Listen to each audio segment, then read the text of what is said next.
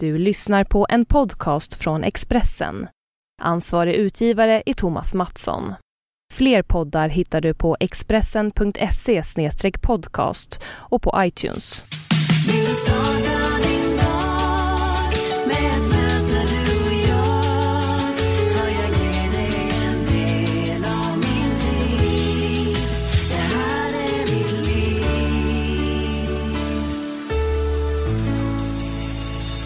Då önskar jag dig varmt välkommen till Livshjulet. Jag heter Anna Hegerstrand, jag jobbar som journalist och varje vecka träffar jag en ny gäst för att prata om livet och livshjulet. Idag träffar jag Ola Salo som precis hade blivit pappa åt en liten dotter för andra gången när vi sågs i Expressens poddstudio torsdagen den 26 november. Ola är precis som jag uppvuxen i Småland men till skillnad från min hemstad Jönköping bodde han långt in i skogen i den lilla byn Rottne. Idag bor Ola i Malmö tillsammans med sin fru Anneli och sina två döttrar. Vi pratar en del om varför han tror att han är svår att leva med och varför han har valt en enligt mig ganska återhållsam livsstil. Och jag finns på Instagram där jag heter Anna Hegerstrand och på min blogg på expressen.se Anna Hegerstrand delar jag med mig av min vardag och mina tankar. Nu Ola Salo i avsnitt 137 av Livshjulet. Varsågod. Jag gillar ju podd. Jag, jag kommer nog... eh, Jag vill gärna starta en egen någon gång. Jaha, vet du vad? Vi måste prata här. Vi kör. Så, Ja. Mm. funkar det? Ja, det, Känns det bra. gör vi. Mm. Ja, men du vill eh, starta en egen podd? Ja, men det vore ju jättekul. Vad skulle du prata om då? då? Då skulle jag nog prata om, ehm, om eh, religion och filosofi och eh, allt mellan himmel och jord, allt som jag tycker är intressant. Jag skulle nog intervjua människor som inspirerar mig och som, som jag känner att jag har lärt mig någonting av. Och så skulle jag intervjua så här favoritförfattare och sånt. Det skulle jag göra. Det skulle nog vara mer en sån här intervjupodd, inte att jag tycker att jag själv har kommit till tal så himla mycket i media. Så att jag tycker inte det liksom, finns ett jättestort intresse att, av att jag ska babbla på jättemycket själv. Är du lite trött på att prata om dig själv? Lite trött är jag.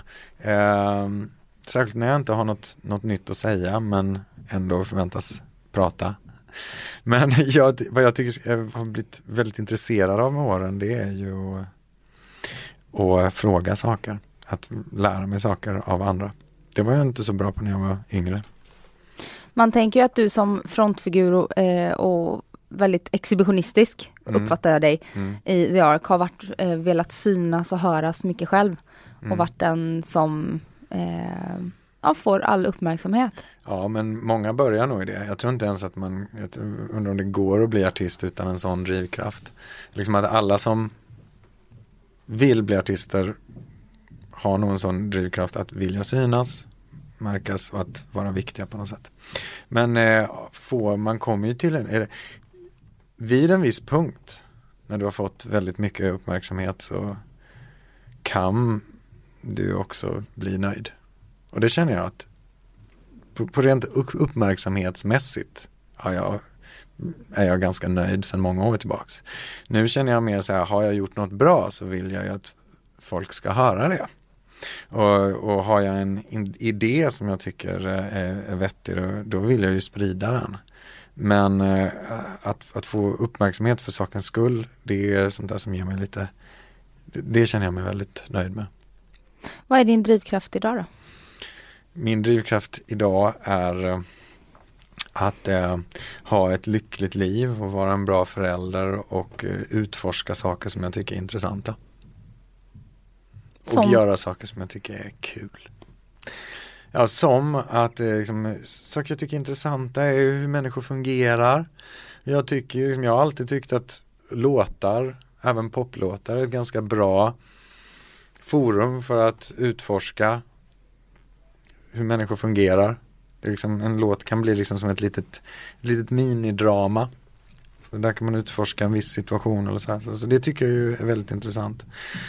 Och sen så tycker jag ju det alltså, jag gillar ju att stå på scen, jag gillar att uppträda och har ju ett stort intresse av hur maxar man den upplevelsen, hur ger man människor en så himlastormande upplevelse som möjligt på scen. Och det är ju det är ju någonting som aldrig slutar att intressera mig. Och det är ju du ganska känd för att göra också.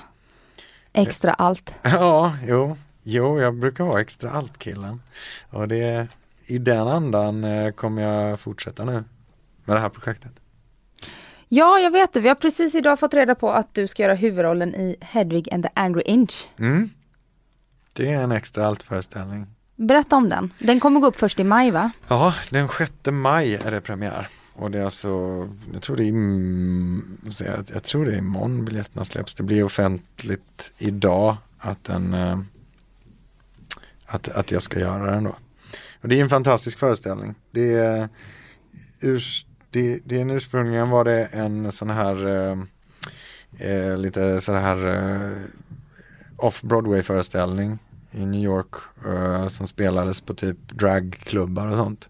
Och sen så blev det en film som är helt fantastisk och den filmen såg jag ganska snart efter att den kom i början på 2000-talet och eh, gillade den väldigt mycket redan från början. Sen- Vem spelar huvudrollen i den? Eller vem spelar din roll i den? Eh, Hedvig spelas av John Cameron Mitchell som eh, har skapat den här karaktären och den här karaktären är dessutom väldigt stor del baserad på John Cameron Mitchell.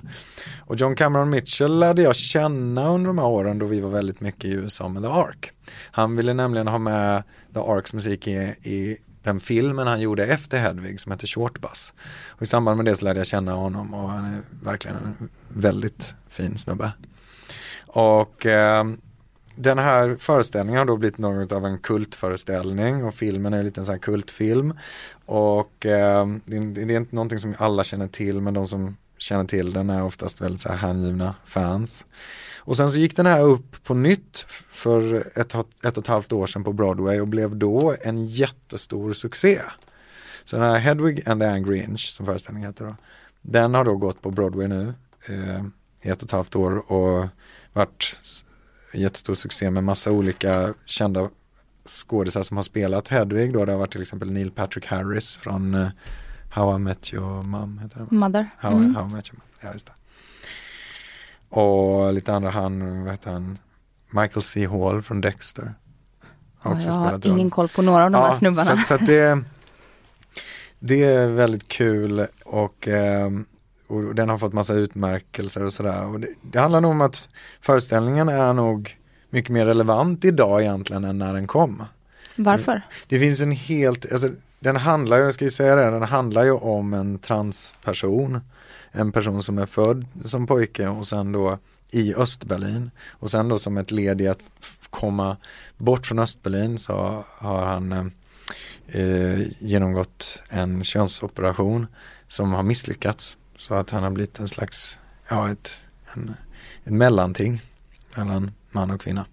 Och kommer då till USA och där blir en glamrockartist och kallar sig Hedvig och klär sig som kvinna. Och ehm, den här, um, vad jag skulle säga om det? Jo, det är ju vad den handlar om. Kommer du ihåg vad, vad vi pratade om? Eh, ja, eh, jag ville att du skulle berätta lite om, om Mm. det här projektet. Ja, Och då undrar jag, eh, fick du förfrågan eller sökte du tjänsten? Nej, nej, de, de tog kontakt med mig på Göta Lejon. Det var på Göta Lejon jag gjorde Jesus Christ Superstar. Och de ville göra det här med mig då. Och jag var, ganska, jag var lite tveksam till en början för att jag tyckte det var så mycket talad text. Jag har inte gjort så mycket talad text. Jag brukar mest göra sjungen dramatik. Mm. Men jag beslöt mig för att det här var rätt projekt för att utmana mig själv på den punkten. För det är väldigt mycket mer talad text än jag är van vid. Ungefär halva föreställningen tidsmässigt är ju talad text. Men det var så många andra element i det här som gjorde att jag kände mig hemmastad i det. Dels att eh, jag kände att jag hade, jag kunde relatera väldigt mycket till rollen. Och sen också att musiken är väldigt sådär påminner ganska mycket om min egen musik, en slags punkig glamrock. Någonstans, ligger någonstans mellan liksom Bowie och Mm. New York Dolls. Och sen så att det är på Göta Lejon, där jag känner mig väldigt hemmavan. Och sen också att själva föreställningen är upplagd som en konsert med långa låtar. Med, liksom, med, med låtar med långa mellansnack insprängda och det är de här mellansnacken som berättar berättelsen. Det har ju gått nu drygt fyra år sedan, sedan Ja. eh, The Ark gjorde sin sista konsert. Förlåt, nu kommer jag på vad det var Ja. för tema. Varför är den mer relevant idag? Ja, Just det. vi tar den först då. Ja, så kan Varför är den Jo, jo, den handlar om en transperson. Jag tror att med, både diskussionen kring och medvetenheten kring transpersoner är mycket, mycket större idag än för, tio, för, för då 10 och 13, ja, 12-13 år sedan när, när filmen kom. Mm, man har ju lyft det mer liksom. Mm, väldigt mycket. Så att det är liksom, jag tror det finns en helt annan intresse för, förståelse för och medvetenhet kring ja, transpersoners situation. Jag tycker rent spontant att det känns som en roll som är gjord för dig. Ja, Du har ju alltid lekt med det här eh, glammiga och ja, utmanat liksom normen. ja, jo definitivt. Och jag har alltid liksom, jag har aldrig känt mig som en eh, man helt och hållet liksom. Jag har känt mig, även om Hedvig är ju rent biologiskt ett mellanting mellan man och kvinna. Och det är ju inte jag. Men jag, jag har ju ofta i mitt liv känt mig som det. Liksom jag känt mig som att jag åtminstone är någonstans på en gråskala mellan man och kvinna. Jag kanske är närm, närmre man. På vilket sätt har du känt dig mer åt det kvinnliga hållet? Hur, Nej men jag har, väl skiljer? aldrig, jag har väl aldrig känt mig helt bekväm eller hemmastad i den traditionella mansrollen. Och det insåg väl jag redan i tonåren. Jag tror att det var nog den upptäckten tror jag väldigt mycket triggade igång eh, mitt självförverkligande redan liksom i, i tonåren. Att, att jag kände att, eh, att när jag upptäckte, när jag insåg att man behövde inte efterlikna de liksom mer maskulina manliga förebilder som fanns i samhället och kulturen.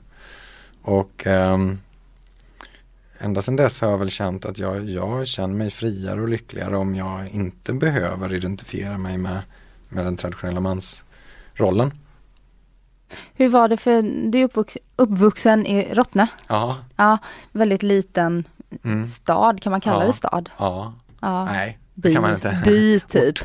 Mm. Ja, eh, och när du eh, själv eller förverkligade dig själv och levde ut dig själv och sådär, hur, hur var det? Ja men det var jättespännande. Eh, och det var nog, eh, hade kunnat vara jättejobbigt om det inte var så att jag hade ett litet gäng av kompisar runt omkring mig som, som var med på samma resa. Det orkarna? Ja det var, liksom, man kan säga att det var det, ett litet kompisgäng ur vilken kärnan i The Ark skulle komma. Mm. Liksom. Så att det, det, det var jag och Lasse och Jeppsson från Ark och så några till som var liksom det där lilla flummiga gänget i Rottne. Och vi klädde oss i 70-talskläder och sådär och lyssnade på sån musik och lät håret växa och sådär. Och ehm, det var väl sådär liksom, det fanns en ehm, det, det, det, det är klart vissa slängde pengar på oss och sa så här har ni till nya kläder och sånt sa de för att de tyckte vi såg ut som eh, jag vet inte vad. De tyckte att det såg, eh, att det var pinsamt att vi gick omkring i 70-talskläder. Men väldigt många kom också fram sådär och tyckte att det var häftigt sådär att vi var modiga som vågade ha en egen stil och sånt. Så jag kände även om vi liksom inte var de populära snubbarna i Rottne, vilket vi heller inte ville vara, så var vi heller inte utstötta på ett jobbigt sätt, bara på ett självvalt sätt. Vi hade ju valt att vara en egen liten enklav. Och det var ganska ofta som de där liksom tuffa typerna kom och uttryckte någon slags beundran för att vi vågade vara annorlunda. Och sen bildade ni ju The Ark och hängde Mm. ihop eh, väldigt många år. Och så Mm. gjorde ni er sista konsert då för drygt fyra år sedan. Mm. Saknar du den tiden? Eller saknar du det? Ja, jag kan ofta sakna killarna.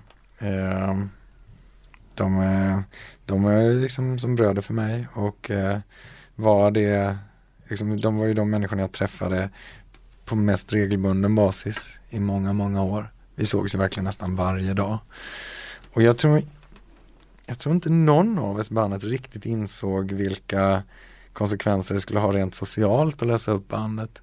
Särskilt inte i den här åldern när man inte liksom riktigt hänger i gäng längre utan alla har familjer. Um, jag tror att alla insåg att okej, vi kommer inte ses varje dag. Men att det skulle vara så svårt att få till liksom en, en träff och ses allihopa en gång i halvåret. Du vet, det, det, förvänt, det, det, det är nog lite det var nog liksom lite chockartat för oss. Det vi försöker hålla ihop gänget och vi ses och, och gå ut och käka eller så åtminstone en gång i halvåret. Men det är ofta ganska svårt att få till för vet, det, sex personer vars livspussel ska synkas. Det, det är jäkligt komplicerat. Och hur får du ditt livspussel att synka? Har du problem med det eller tycker du att det går smidigt?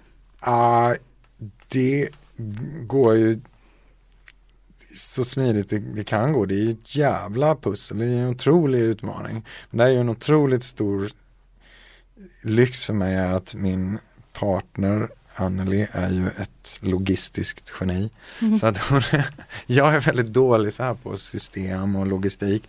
Men hon är väldigt bra. Tillsammans lyckas vi alltid liksom eh, klura ut hur vi ska hinna få den tid vi behöver för familjen och för varandra och sen att ändå eh, jag ska kunna sköta min karriär. Och eh, jag tar ju aldrig några karriärsmässiga beslut utan att stämma av med henne. Så att det, är, vi försöker få ihop det helt enkelt. För mig är det, förr i tiden var det kanske det viktigaste i mitt liv var att det skulle gå bra med karriären. Och nu är det lika viktigt för mig att jag ska må bra som att det ska gå bra. För det var inte så viktigt för mig för. Jag, jag, jag, jag sket i om jag slet ut mig, jag sket i om jag blev utbränd. Jag såg det nog som en del av vad det var att vara artist och Man ska vara ångestriden och man ska må lite ja, eller dåligt. det är priset man får betala för att få, få jobba med sitt drömjobb. När kom du på att eh, du kanske inte behöver betala det här priset? Ja men det var nog när jag blev lite, vad ska man säga, när, när, när den här utbrändheten började ta, eh, ta ut ett högre pris, både fysiskt och, och mentalt för en sådär, ja kanske ja, sju, åtta, nio år sedan eller något sånt. Och då, började jag liksom må dåligt. Och för att jag var, för att jag körde mig själv för hårt. Och det, då så, så började jag förändra mitt liv och eh, sen dess och sen har jag liksom jobbat mot att bli mer och mer medveten om eh, när jag överanstränger mig. Så idag är du bra på att lyssna på kroppens signaler? Bättre i alla fall. Men eh, ja, du vet hur det är liksom när man, man strävar efter att jobba med någonting där man ska vara i, i, i toppen och man ska eh, vara framgångsrik. Då är det lätt att hamna i att man driver sig själv väldigt hårt.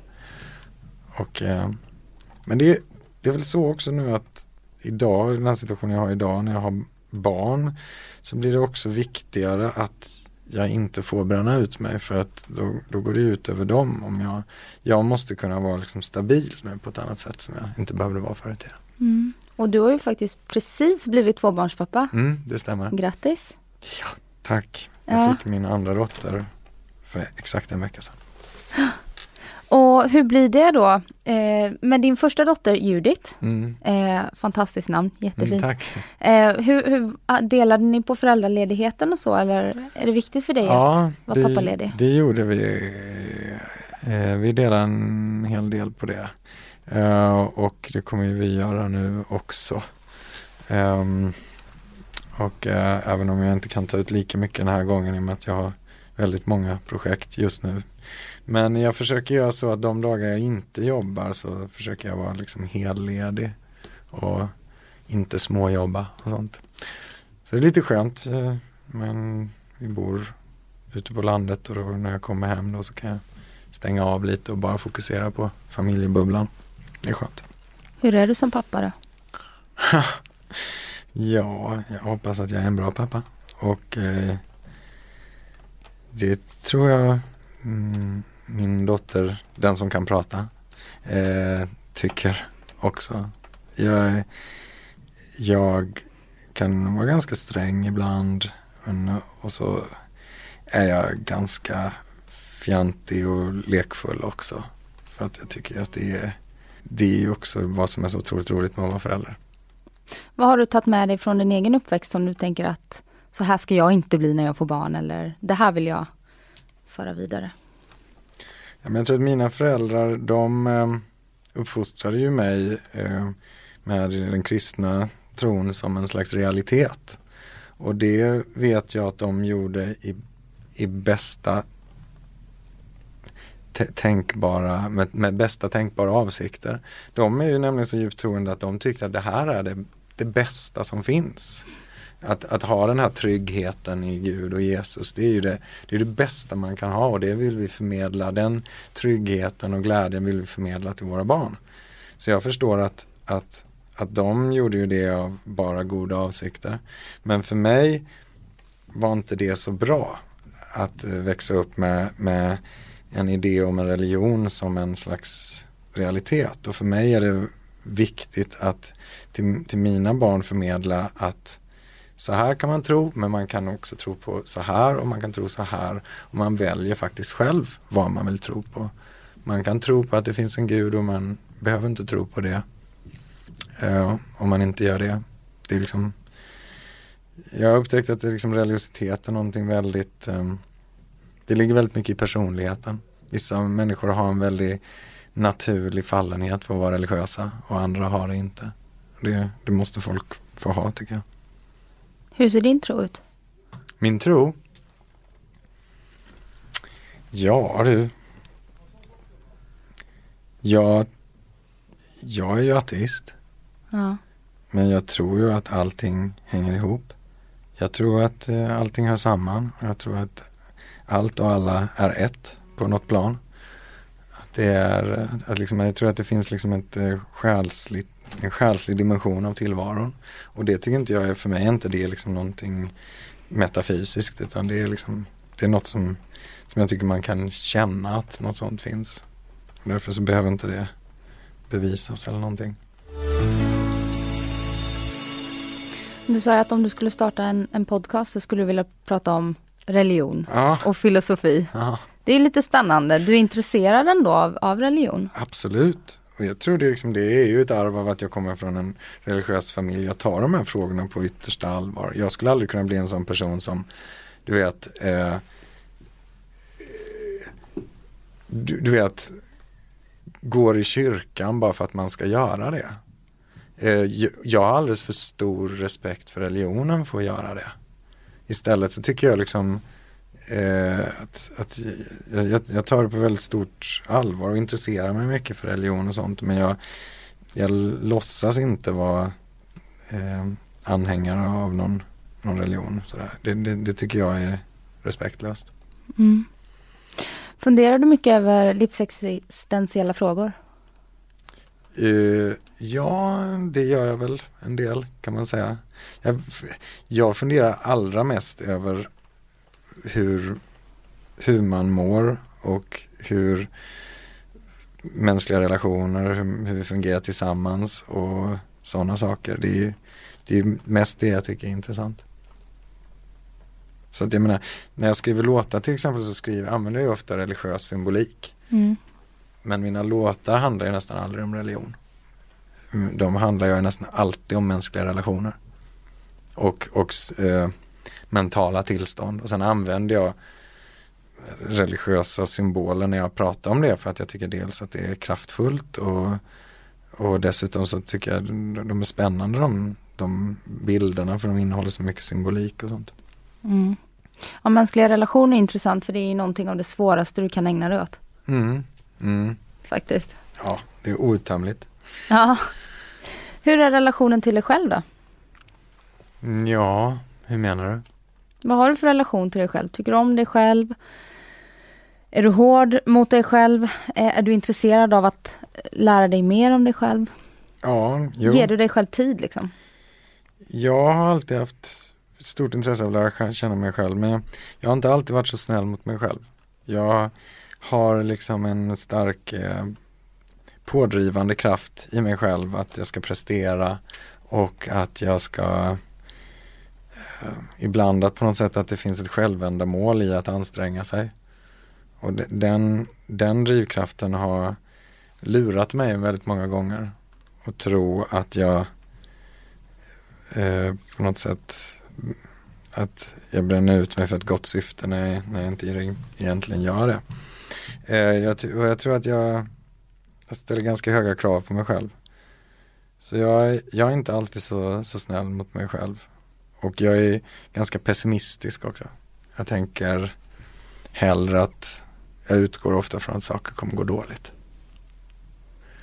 Så att det, Det är väldigt dränerande kan jag tänka. ja det är det men samtidigt så jag vet inte, jag har nog också insett att ibland har jag så här jobbat med att men jag ska bli bättre på att tänka sådär, vad kallas det? Positivt. Positivt och målbilder och allt sånt där.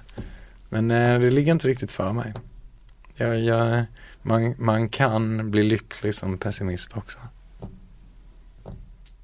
Hur är det att leva med tror du? Ganska krävande.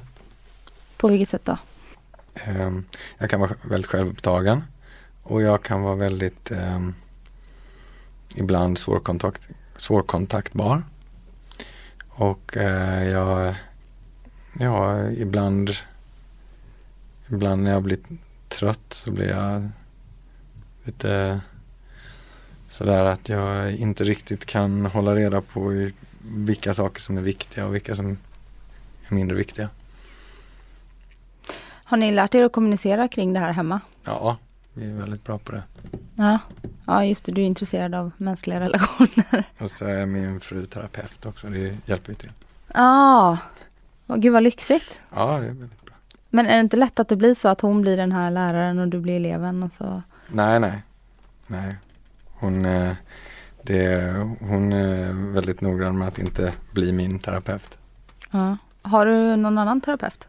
Ja, det har jag. Men jag, när, när jag liksom lite så här brände ut mig för sådär, då för en, snart tio år sedan, så, så, så började jag gå till en terapeut som då eh, en väldigt erfaren och äldre man då som, som har jobbat i väldigt, väldigt många år som terapeut. Och eh, jag blev så imponerad av honom. Han var så klok och han hade så smarta svar. Jag har alltid tyckt att jag kan liksom räkna ut vad, vad folk ska säga.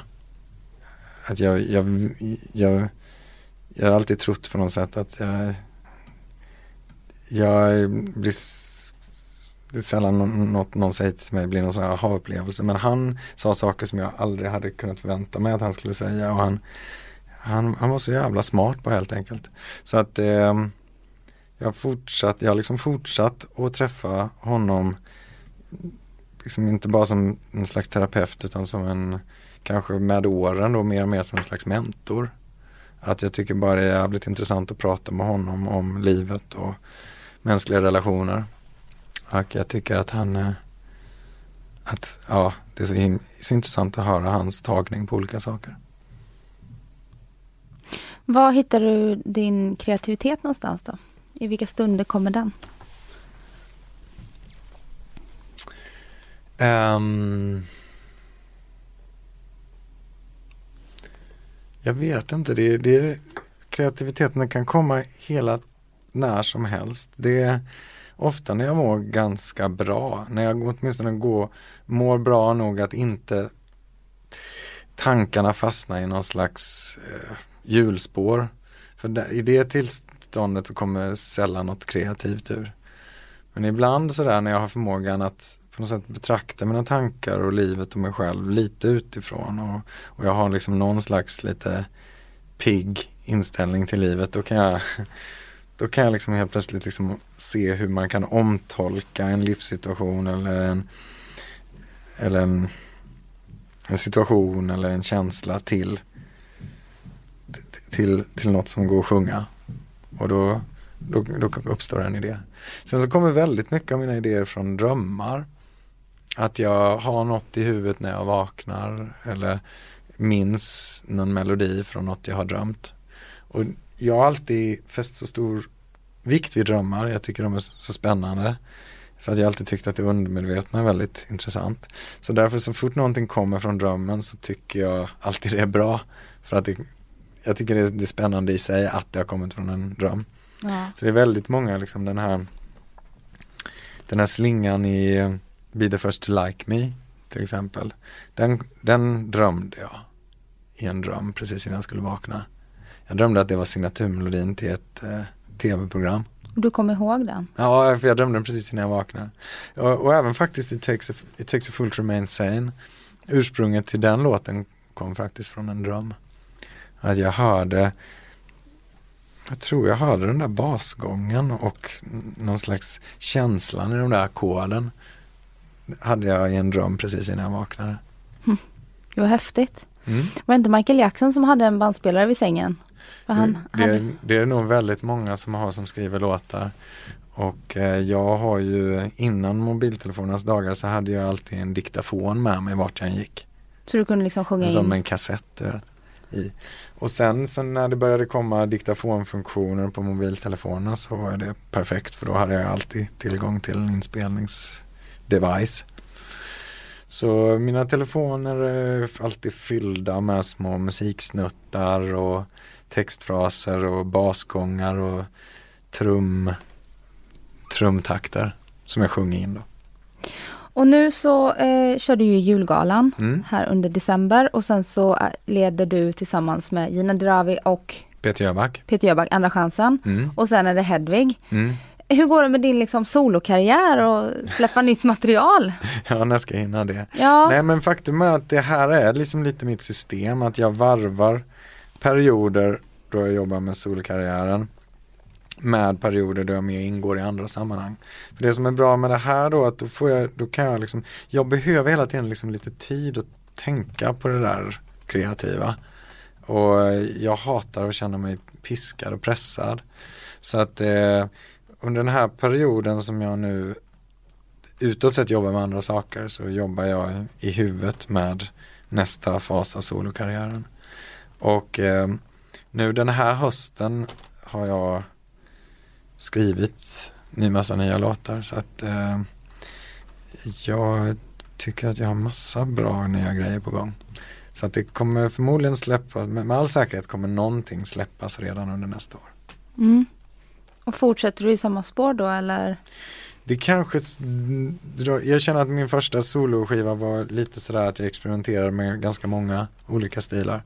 Och eh, jag kommer mer som smalna av det på mer en stil och ett sound på nästa Var skiva. det, Om man nu kan prata om skivor längre. Det kommer ju snarare vara liksom ett, en, en, eh, en omgång låtar som kommer komma ut typ en i taget. ja. Att, att du eh, varvade lite olika stilar, var det ett sätt att gardera sig för? För jag vet att du var väldigt nervös när du skulle släppa eget. Mm. Eftersom det hade gått så bra med ARK och sen Mm, så mm. var du nästan beredd på att ja, men det är klart jag kommer få lite kritik. Mm, mm. Först bygger man upp och sen Mm. sparkar man ner. Men för att inte misslyckas helt. Eller hur kommer det sig att du experimenterar med massa Nej, olika? alltså saken med den är att jag känner att jag behövde tid. Jag menar, när jag la ner ARK hade jag inget intresse av en solokarriär. Jag, och sen, det tog tid innan det började komma någon slags idé om vad jag skulle kunna tänka mig göra. Och jag kan väl känna så här i efterhand att jag nästan jag skulle kunna egentligen kanske behövt ännu mer tid. Jag, jag tror att jag stressade på mig själv lite för det började gå för lång tid och jag kände att oj nu har det gått tre år sedan bandet la ner och, och det, nu är det nog bäst att jag kommer igång. Och eh, jag är väldigt nöjd med de låtarna som var på första soloskivan. Men jag kan känna att kanske det hade tjänat på en lite längre process där jag fick eh, jobba fram en mer sammanhängande, sammanhängande helhet mer. Och det var, det var det som var väldigt svårt alltså. I, kanske därför att när man är ett band så får man en slags stil på köpet av att bara det faktum att man är fem eller sex, då, Mm. i, i vårt fall sex personer som ska enas kring en grej alla tycker är bra. Och då blir man, blir man ju tvungen att på något sätt skära bort så många bitar som man inte är ense om. Så till slut så blir det ju bara en grej kvar som är ganska då nertajtad. Mm. Eh, Medan ska man göra, skulle jag, när jag då skulle göra en skiva utifrån bara vad jag tycker om, då, då inser jag att det liksom fanns en väldigt stor risk att det där skulle spreta iväg åt tusen olika håll. Vilket det också lite gjorde. Eh, så att eh, jag känner att det kanske först nu det börjar lite så här kristallisera sig en mer enkel och tydlig vision av vad jag skulle kunna vara som soloartist. Och annars i livet, du, du har fyllt 38? Ja, Ja, det tror jag. I, det tror jag. i, det- I den här åldern så börjar det blir svårt att hålla koll på hur många år man är och vilket såklart förmodligen har med någon slags eh, förträngning att göra också. Om du fyllde 19 februari fyllde du 38 kan jag berätta för dig. Mm. Ja. Det gör jag. Jag fyller 39 om några månader. Är du eh, kompis med din ålder? Ja, det tycker jag. Det tycker jag, verkligen. Jag på något, känner nog på något sätt att jag har sedan en tid tillbaks förlikat mig med tanken om att jag är i en, att jag är i en äldre generation i den här, i musikbranschen. Och eh, därför, liksom, man kan ju snöa in på det och bli knäckt över att man inte är ung och lovande längre. Men man måste inse att det är något det är nästan svårare att vara inte ung och fortfarande vara kvar i branschen. Och det får man nog vara jäkligt glad över om man hamnar där. Som jag ändå har hamnat. Hur tänker du framöver då? Vad vill, vad vill du göra? Finns det någonting sådär som har en egen krogshow eller du vet? Ja, um, jag vill fortsätta skriva musik till mig själv och uh, utforska det och, och liksom eh, jag, vill, jag skulle vilja ägna tid åt att verkligen utforska musik och komma fram till någonting någon musik som verkligen är min musik och som låter, inte låter som någonting annat. Och så skulle jag vilja jobba vidare med musikdramatik. Jag har skrivit en egen opera som heter Kult. Och den skulle jag jättegärna vilja jobba vidare med i olika former. Kanske till och med skriva något annat sånt verk. Och så, eh, jag vet inte, jag tycker också spännande att ha väldigt öppet och se lite vad som händer. Um, man, man har en plan och sen så händer det andra saker som man inte planerade.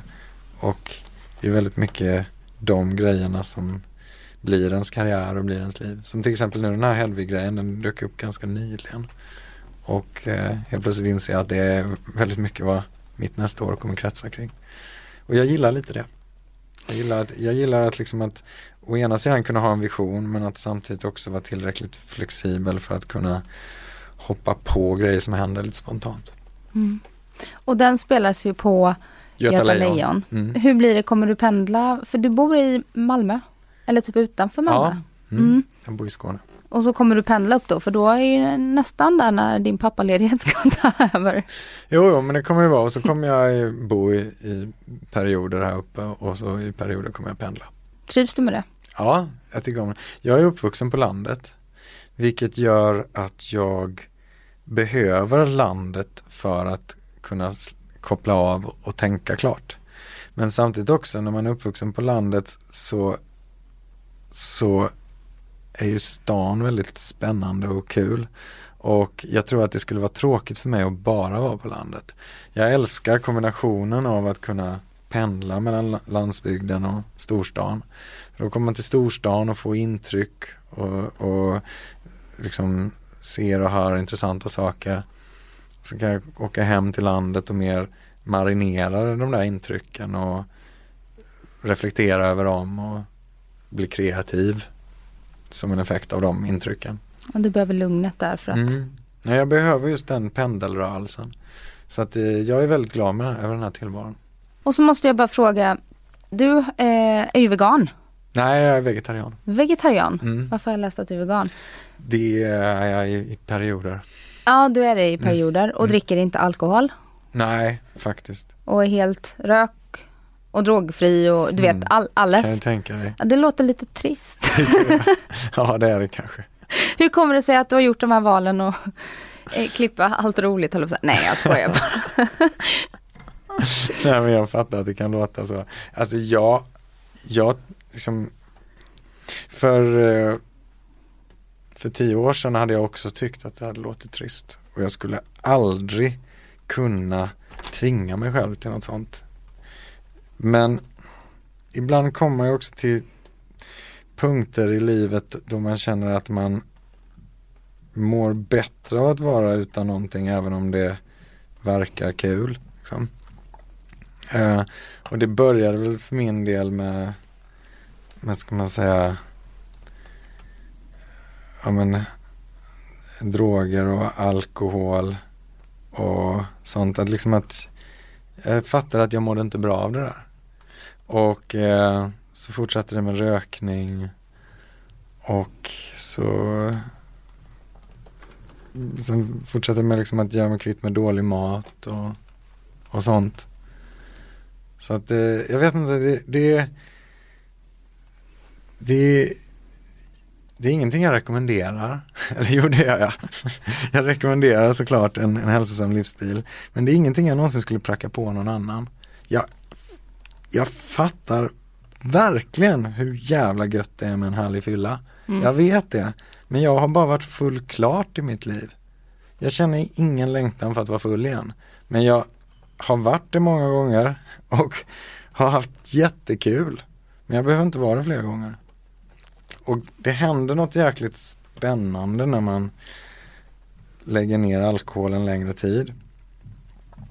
Och ehm, det var någonting som hände när jag kanske hade varit alkoholfri i, låt säga ett halvår. Helt plötsligt så började jag känna mig till vardags. Så som jag brukade känna mig när jag hade druckit typ två öl.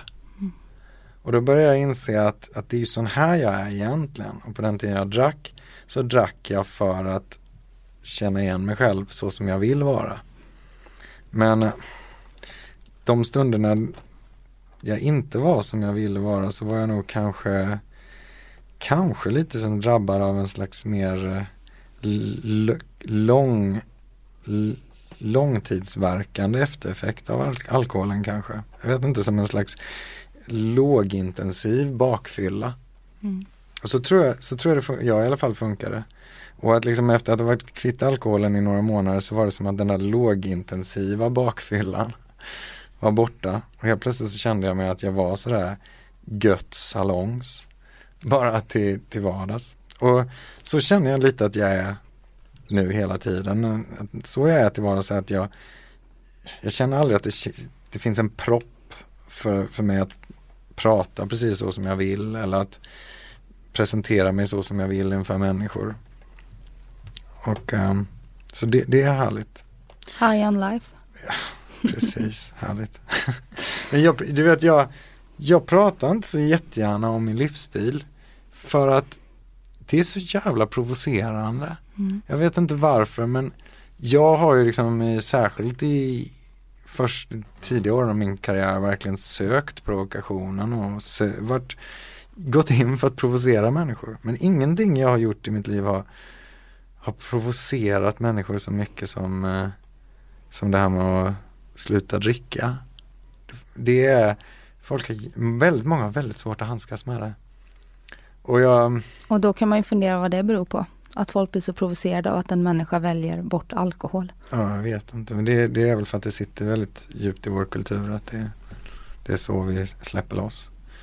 Men jag menar, som sagt, jag, jag, på den tiden jag drack alkoholhaltiga drycker så tyckte jag väldigt mycket om dem och jag tyckte det var väldigt kul, både gott, både gott och roligt att dricka dem. Men jag kände att jag blev klar med det. Och tyvärr så måste vi vara klara med den här intervjun nu för ditt Mm. tåg till julgalan i Göteborg går Mm. om 20 minuter. Mm. Så jag ska skicka iväg dig. Men tack snälla för att du kom hit och gästade mig. Ja, tack så mycket. Ja, Kul att snacka med dig. detsamma. Hej! Hej! Whatever happened to the funky race? Wasn't life supposed to be more than this? In this kiss, I'll change your bow for my bliss. Let go my hand and it will slip on the sand. If you don't give me the chance to break down the walls of attitude, I ask nothing of you. Not even your gratitude. And if you think I'm corny, then it will not make me sorry.